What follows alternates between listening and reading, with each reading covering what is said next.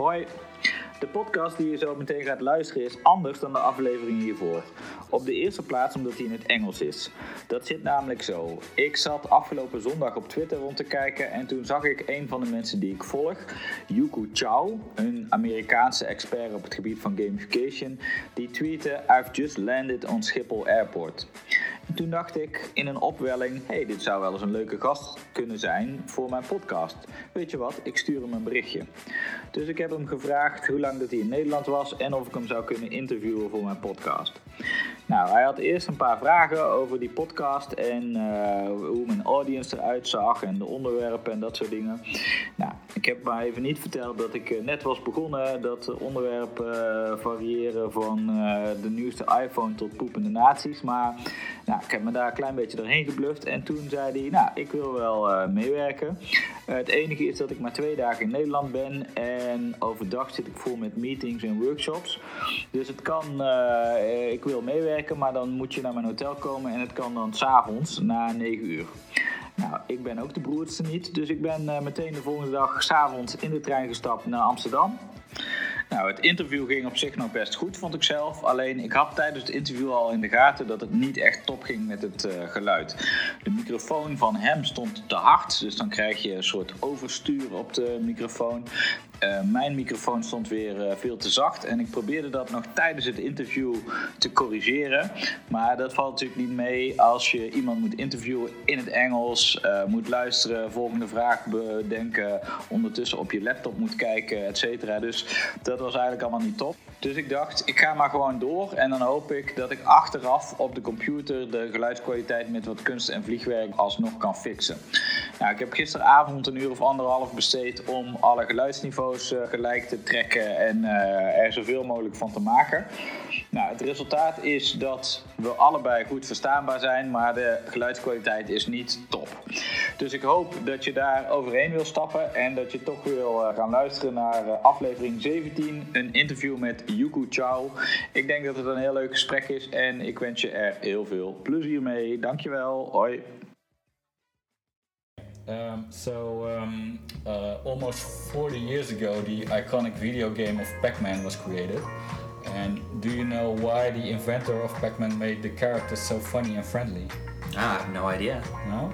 Uh, well, at that time, 40 years ago, uh, most video games were more violent and more based for males.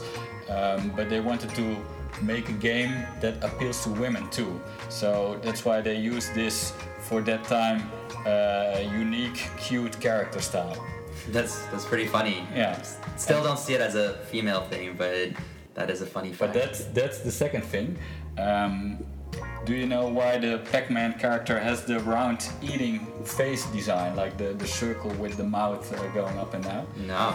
So um, the inventor of Pac-Man was a Japanese guy called Toru Iwatani, and when he was thinking about games for women, he was thinking about what do women enjoy, and he thought about eating, eating cakes and desserts, and he used eating as a keyword for research. And when researching, he saw this pizza slice with one uh, slice taken out, so it's like a face with a mouth, and that was his eureka moment. And then he created the eating face because he thought women like eating, and this way, I hope my game will appeal to women as well.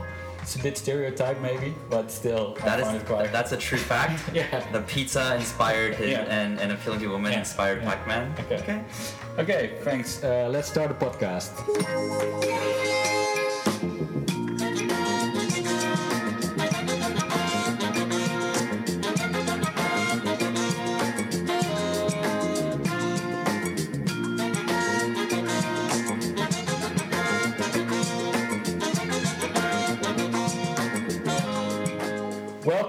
Chou. It's an honor to have you on the podcast Current Obsessions. Let me first introduce you to my audience. You are an international recognized authority and pioneer in the gamification and behavioral design. And based on more than 10 years of research and study, you created the gamification framework Octalysis, which was published in your book Actionable Gamification Beyond Points, Badges, and Leaderboards. Um, rated number one among the Gamification Gurus Power 100 by Rice, and awarded multiple times the Gamification Guru of the Year award. And it was calculated that all of Yu-kai Chou's work on gamification improved over 1 billion user experience worldwide through his work at clients as Microsoft, Lego, and eBay, Volkswagen, and many more. So that's quite an impressive biography, and uh, it's nice to have you on the show. Thank you very much. Before we dive into the interesting field of gamification, I have always one question to ask for my guest, and that is Have you seen, read, or heard anything lately that is worth sharing? Yeah, one of the, the big news lately is the uh, the Tesla Cybertruck Mhm. that got revealed that had a shattered glass, and Yeah. then um, apparently, and obviously everyone said that's a huge failure, and it's it's ugly, no one will buy it, and then Mhm. now supposedly we're seeing close or close to two hundred thousand pre-orders Yeah. already. So I think uh, what's interesting, especially in my line of work, is that a lot of people will see a product and they'll say, "Oh, I don't like it, so no one else will," Mhm. and you know that's oftentimes a mistake because you know just because you don't like it, that mean doesn't mean no one will else will like it and buy Yeah. it. And if you're betting money on that, it's a risk.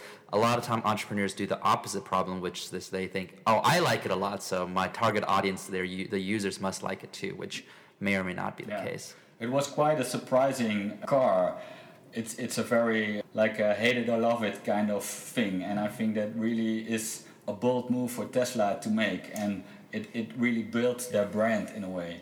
Yeah, I, I kind of expect a little bit like that because he talked about it's the armor car of the future, and he has a mm-hmm. little little line that's shown right. And I always felt it would look like the armor car in, in Aliens, the 2nd mm-hmm. one. Mm-hmm. I don't know if you, you remember that or seen that movie, but there is an armored car. It isn't as triangular, but it's almost like a straight like sandwich, so like a rectangle. Yeah. But it is also that that, that looking car, Yeah. and so when it came out, it was similar to what I thought, um, and at the beginning it still felt like yeah I, I can't tell if it looks good or bad but later on I this is a lot of people who feel like it grows on them I feel like it would be really badass just driving that car on the street and just parking it in front of my house And it's really big. I, I mean, I saw the small video with the Ford F150, uh, which is quite a big car, but next to the Cybertruck, it's it's like a normal grocery car or something. yes I am literally thinking about buying a new house just so I can have that truck and have it in front of the house literally like this is not this is not a,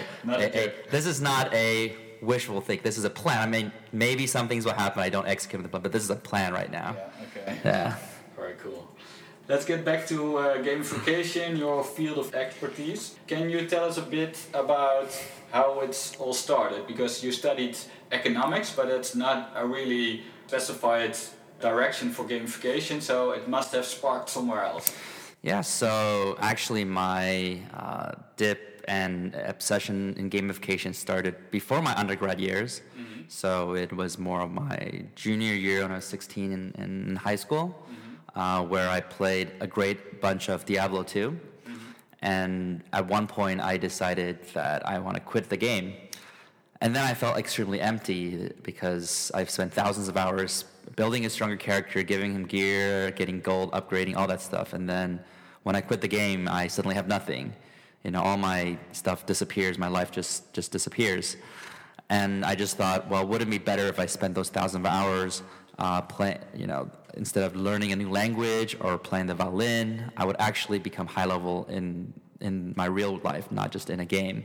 So then I became obsessed with two topics. One was how to make a game or play a game where the more hours you spend on it, the better your real life is. And the second was how do you make you know, real life in general more fun.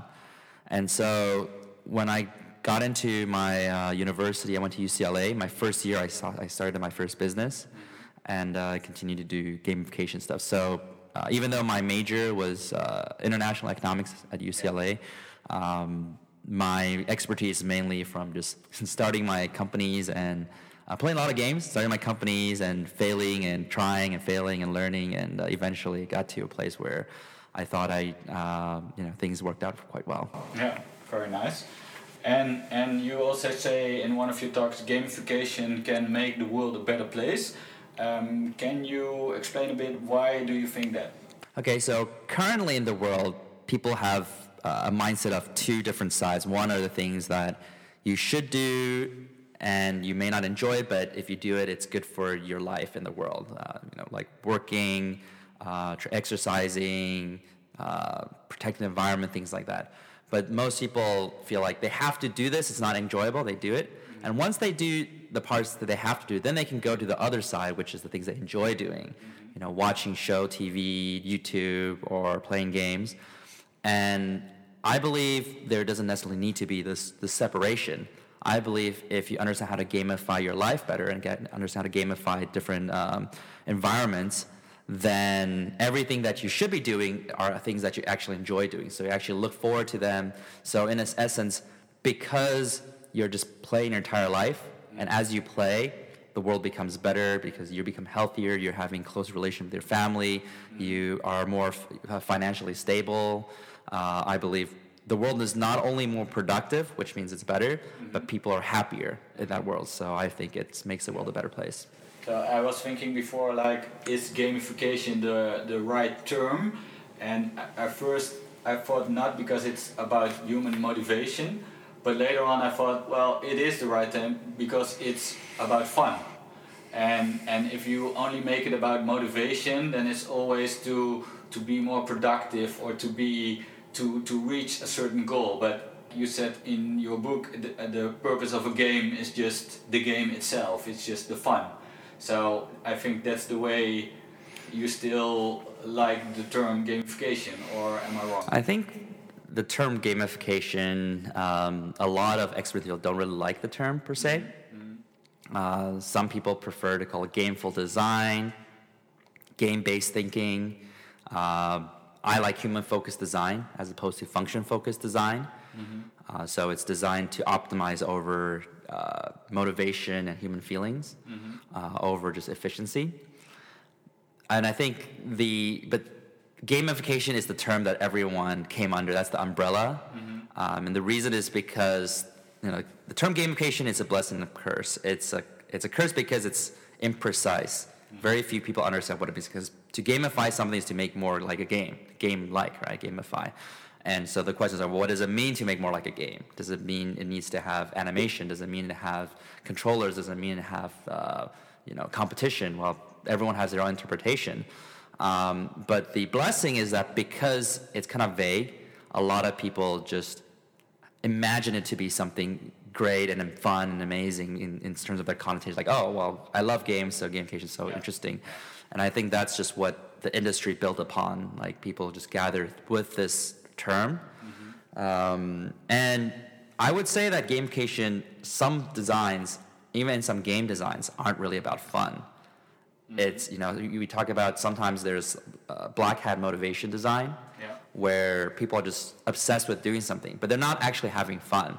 They're just really drawn into let's say going back every five hours to harvest your crops mm-hmm. or doing something it, if, if they're it's not a positive stimulation yeah they, they feel like oh if, because if they don't go back the crops will die mm-hmm. right and so they're drawn to it they can't control them they suck they're sucked into it but um, when you don't have those white hat motivation anymore you, you don't have fun you just do the behavior that's similarly some uh, some gambling addiction has that issue too. Mm-hmm. Like if you ask a person addicted to gambling, like, are you actually having fun? Is this actually enjoyable? Mm-hmm. Uh, they might say no, but I can't stop myself from doing it, right? And usually when you quit those experiences, you're actually more relieved and happier. Yeah.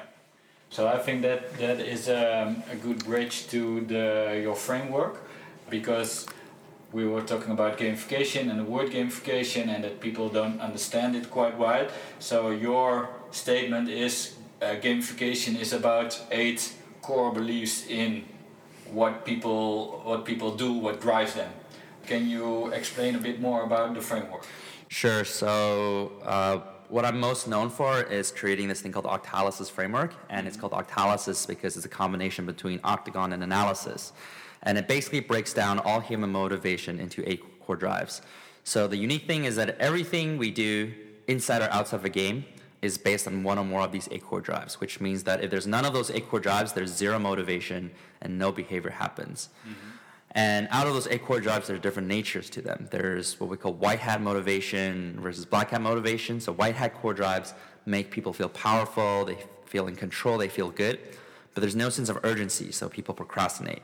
The black hat core drives make people feel um, urgent, obsessed, even addicted, but in the long run, if that was the only motivation, leaves a bad taste in their mouths because they feel like they're not in control of their own behavior. Uh, and then we have what we call intrinsic motivation, extrinsic motivation core drives, where one of the extrinsic motivation core drives, you basically do something for the for a reward purpose or a goal, mm-hmm. but you don't necessarily enjoy the activity itself. So once you obtain the reward, you hit your goals or get used to the reward, you stop doing that activity. Whereas intrinsic motivation design are things that we just enjoy doing so much that we're even willing to spend money to experience. And uh, even if we know we'll lose all our progress the next day, we would still want to do those fun activities today because that's how we measure our quality of life. You know, how often are we, how much time are we spending on the things we just enjoy doing? So a lot of my work is not only to help companies uh, create motivation and behavior, but also understand the nature of that behavior. Is it long term? Is it short term? Is it intrinsic, extrinsic? Mm-hmm. So that um, you wrote a, I wrote a 500 page book about it. So there's a lot more detail, yeah, yeah, but this is the like a super high level yeah. summary of it. And and um, if you look at this core drives, does a good gamification experience always needs multiple this core drives to be uh, appealed, or is it also possible if there's just like one really strong one, or is it always a combination? Yeah, you only need one very strong core drive to drive behavior. Mm-hmm. Uh, I would say most of the time, being very strong, all eight of them is is uh, very very difficult enough, if not impossible. Mm-hmm. Um, and so most projects we see that you know they'll try to focus on two or four quarters that are very strong, and the others are, are medium. Um, and uh, the, but the nice thing is that uh, when you have very little of a core drive, it's easy to so let's say add a little bit of unpredictability, mm-hmm. a little bit of social influence. Mm-hmm. Uh, but when it's already very very strong, you require, require a lot more good design, thinking analysis, A/B testing to push it out even more. Okay. Okay. And like you wrote uh, this book, developed the framework, and you're also doing a lot of talks and, and doing work for clients. What is it mostly digital experience or offline experience? What do companies consult you the most for? Uh, I think more digital than analog solutions, and I think primarily because uh, companies, first of all, they think gamification is game, and games are when they think game, they think a lot of uh, digital games. Mm-hmm. So they feel like we would help out on the digital side. Um, and I also, also think usually uh, the companies, they're all trying to do digitization anyway. Mm-hmm. So when they want to move into the more innovation grounds and they want to do gamification, usually they're also seeking a technology solution. Mm-hmm. So I think it's, it's way more common. Yeah. And um, um, can you always help them out? Because there is um, like companies are trying to reach a goal and they feel like gamification could be a solution towards that goal. But um, it can be difficult to motivate or engage people to do something about like uh, boring subjects of retirement or finance or something. But how do you deal with that? I mean if you think about games themselves, most of them require repetitive actions anyway. Mm-hmm. Like Candy Crush is throwing at a bird, throwing at a bird, throwing at a bird. Mm-hmm. Angry, uh, or Candy Crush is actually matching three gems multiple times. And Angry Birds is throwing at a bird, mm-hmm. right? And matching three gems. So it's just very repetitive. Like it, we call that this activity loop, right? Um, Street Fighter, anything. It's just basically doing the same things over and over and over and over for thousands of times. And so it's the context that makes a difference in terms of what you're doing, why you're doing it. Is there strategy involved? If it's social, if there's little unpredictable, uh, delightful moments. Mm-hmm. And so what we do is we we absorb those those things that create engagement, delight into you know boring activities such as uh, SEC compliance training for financial firms. To make um, you know one, one of our clients is the largest uh, steel manufacturer in the world, and our goal is to make uh, reduce uh, injuries, make it more safe. Mm-hmm and uh, by uh, making reporting hazards and removing hazards more fun and exciting. So yeah, I think there's there's a lot of things we can do to improve things. Uh, is it going to be as good as the the best-selling game out there? Probably not. But of course, it it has a it has a good purpose to it, yeah. right? So we know we should do it, and now we enjoy doing it. Yeah. Okay. And what do you think is the most important skill set for a person to have if you want to go on in a career of gamification?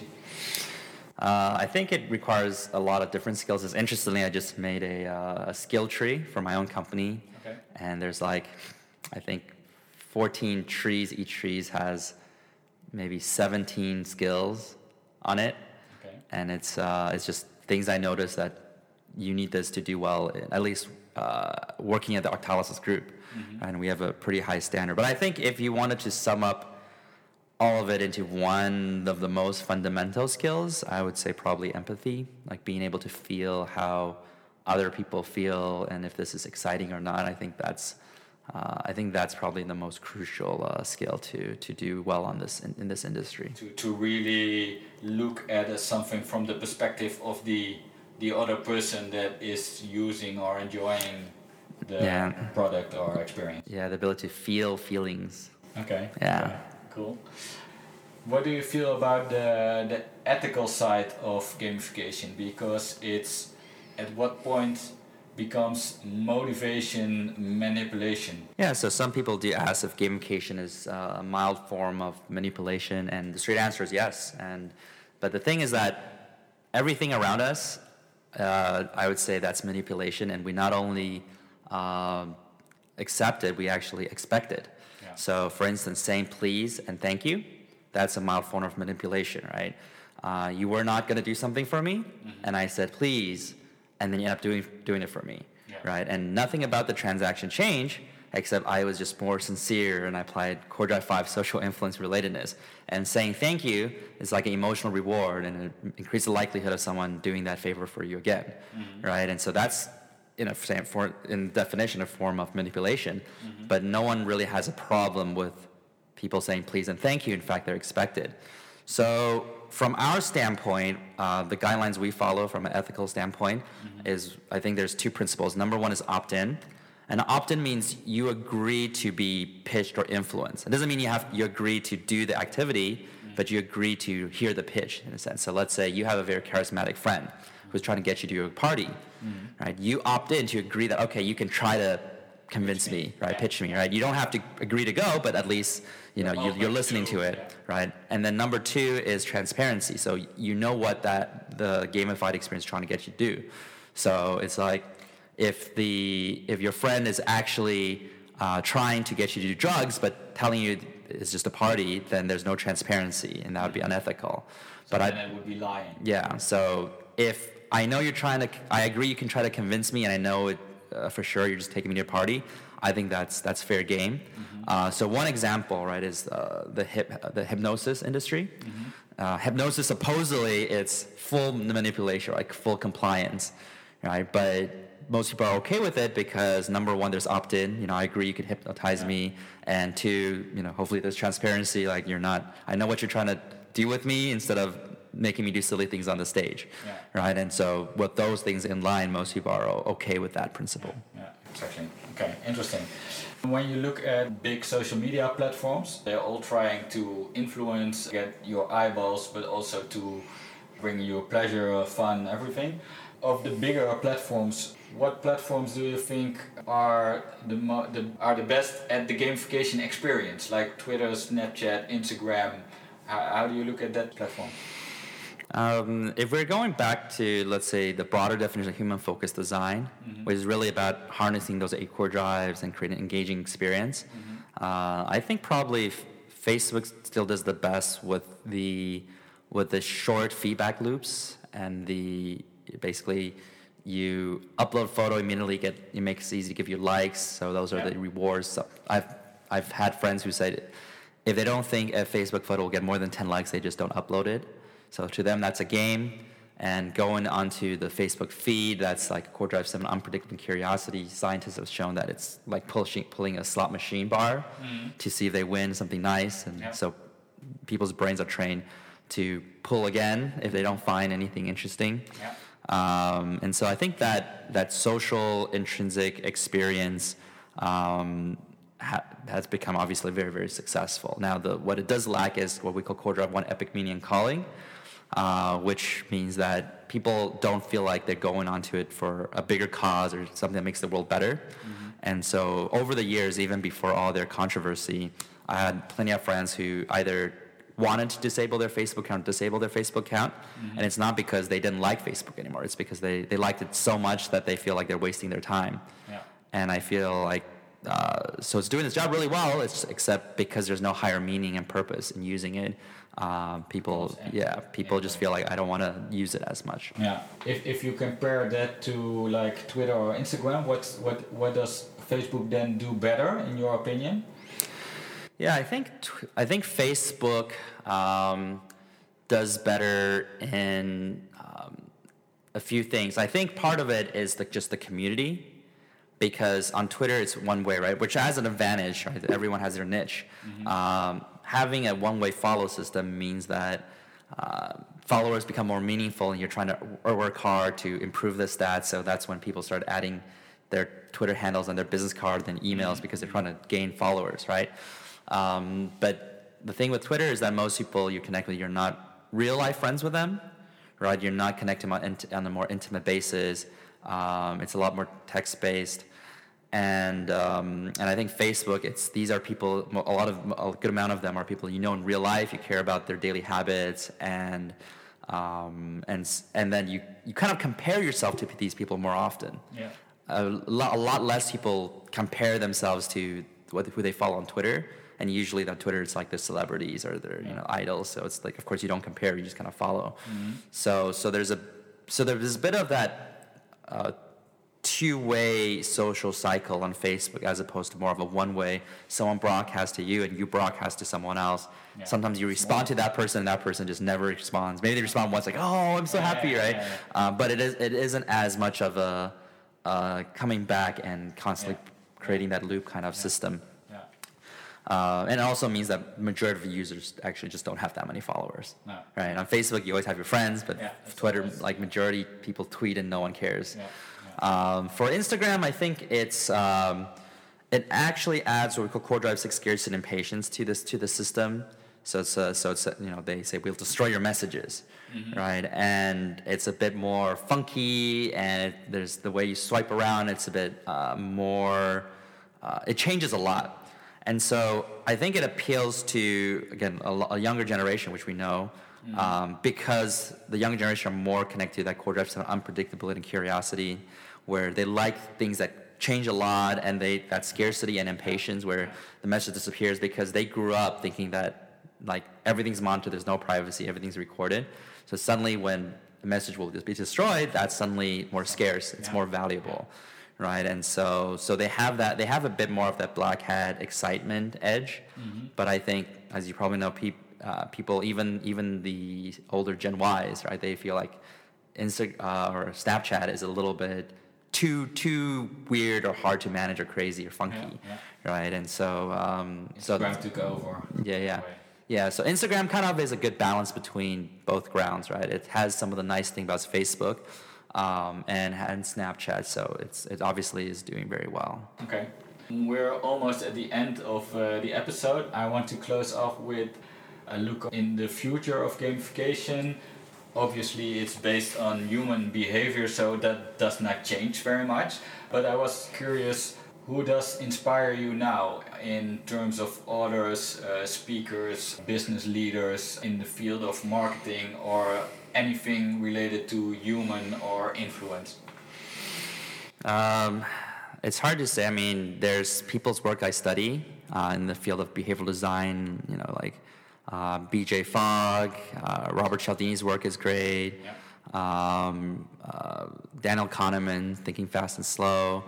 Uh, I would say if if I had a uh, a person I really look up to, I think I think it is Elon Musk. Mm-hmm. And I what I like about him is not just his products or business, but his motivation of that epic meaning and calling. Mm-hmm. Because most business people look at what's the best business opportunity and they start a business. Elon Musk thinks about what does the human race need. Mm-hmm. So when you read his bio, you'll see that when he was younger, he tried to figure out what he wanted to do, and he realized he doesn't understand the meaning of life. But and he th- feels like human beings don't have the capacity to figure out the, hum- the, the meaning of life. Mm. But he felt maybe forty thousand years later, humans will be smart enough to figure it out, right? Because you know we've advanced so much in hundred years, mm. so we cannot even fathom what humans would be like even a thousand years later. So he sees his job as maximizing the probability that humans can survive for that long. Yeah. So the business creator are when he started, they're all crazy, they all seem stupid and, and like his, his, his just insane, but he feels like that's his mission and he needs to create it anyway. So I think Uh, even though I personally don't care about Mars and going to Mars, I respect him for for taking such huge risk for what he believes in and succeeding at them. Uh, not Mars yet, but the other the other dreams. So I I feel like he. And it's also way beyond our normal view of business people who are trying to set up a company and make money, but he's taking it to the very next level. Yeah, his his never failed a business before. Even even his first company, Zip2, that no one's heard about, made two hundred million dollars. Yeah. And then PayPal, and uh, and so right now, like in the future, like he's he is doing this thing. More people are building electric cars, and I think even if a car that comes out that's uh, that's a little better than a Tesla, mm-hmm. I would probably still buy the Tesla because other companies are like, oh, this is a proven model. Let's just make it a little better and make money from it, yeah. right? And I feel like the pioneer who risked everything to to make this happen from the mission. Yes, so I respect that more. And from a mission-driven point, I'd rather buy a slightly weaker product, mm-hmm. uh, but rewarding the the individuals who who took such great great risks for a purpose. So that's what you call the great meaning. Yeah, that's Core Drive One Epic Meaning and Calling. So I think that's a nice round story to to end with this gamification term. Thank you very much for your uh, time, and uh, I hope you enjoy uh, Amsterdam and the Netherlands in the few next few days. And uh, thank you very much. Thank you.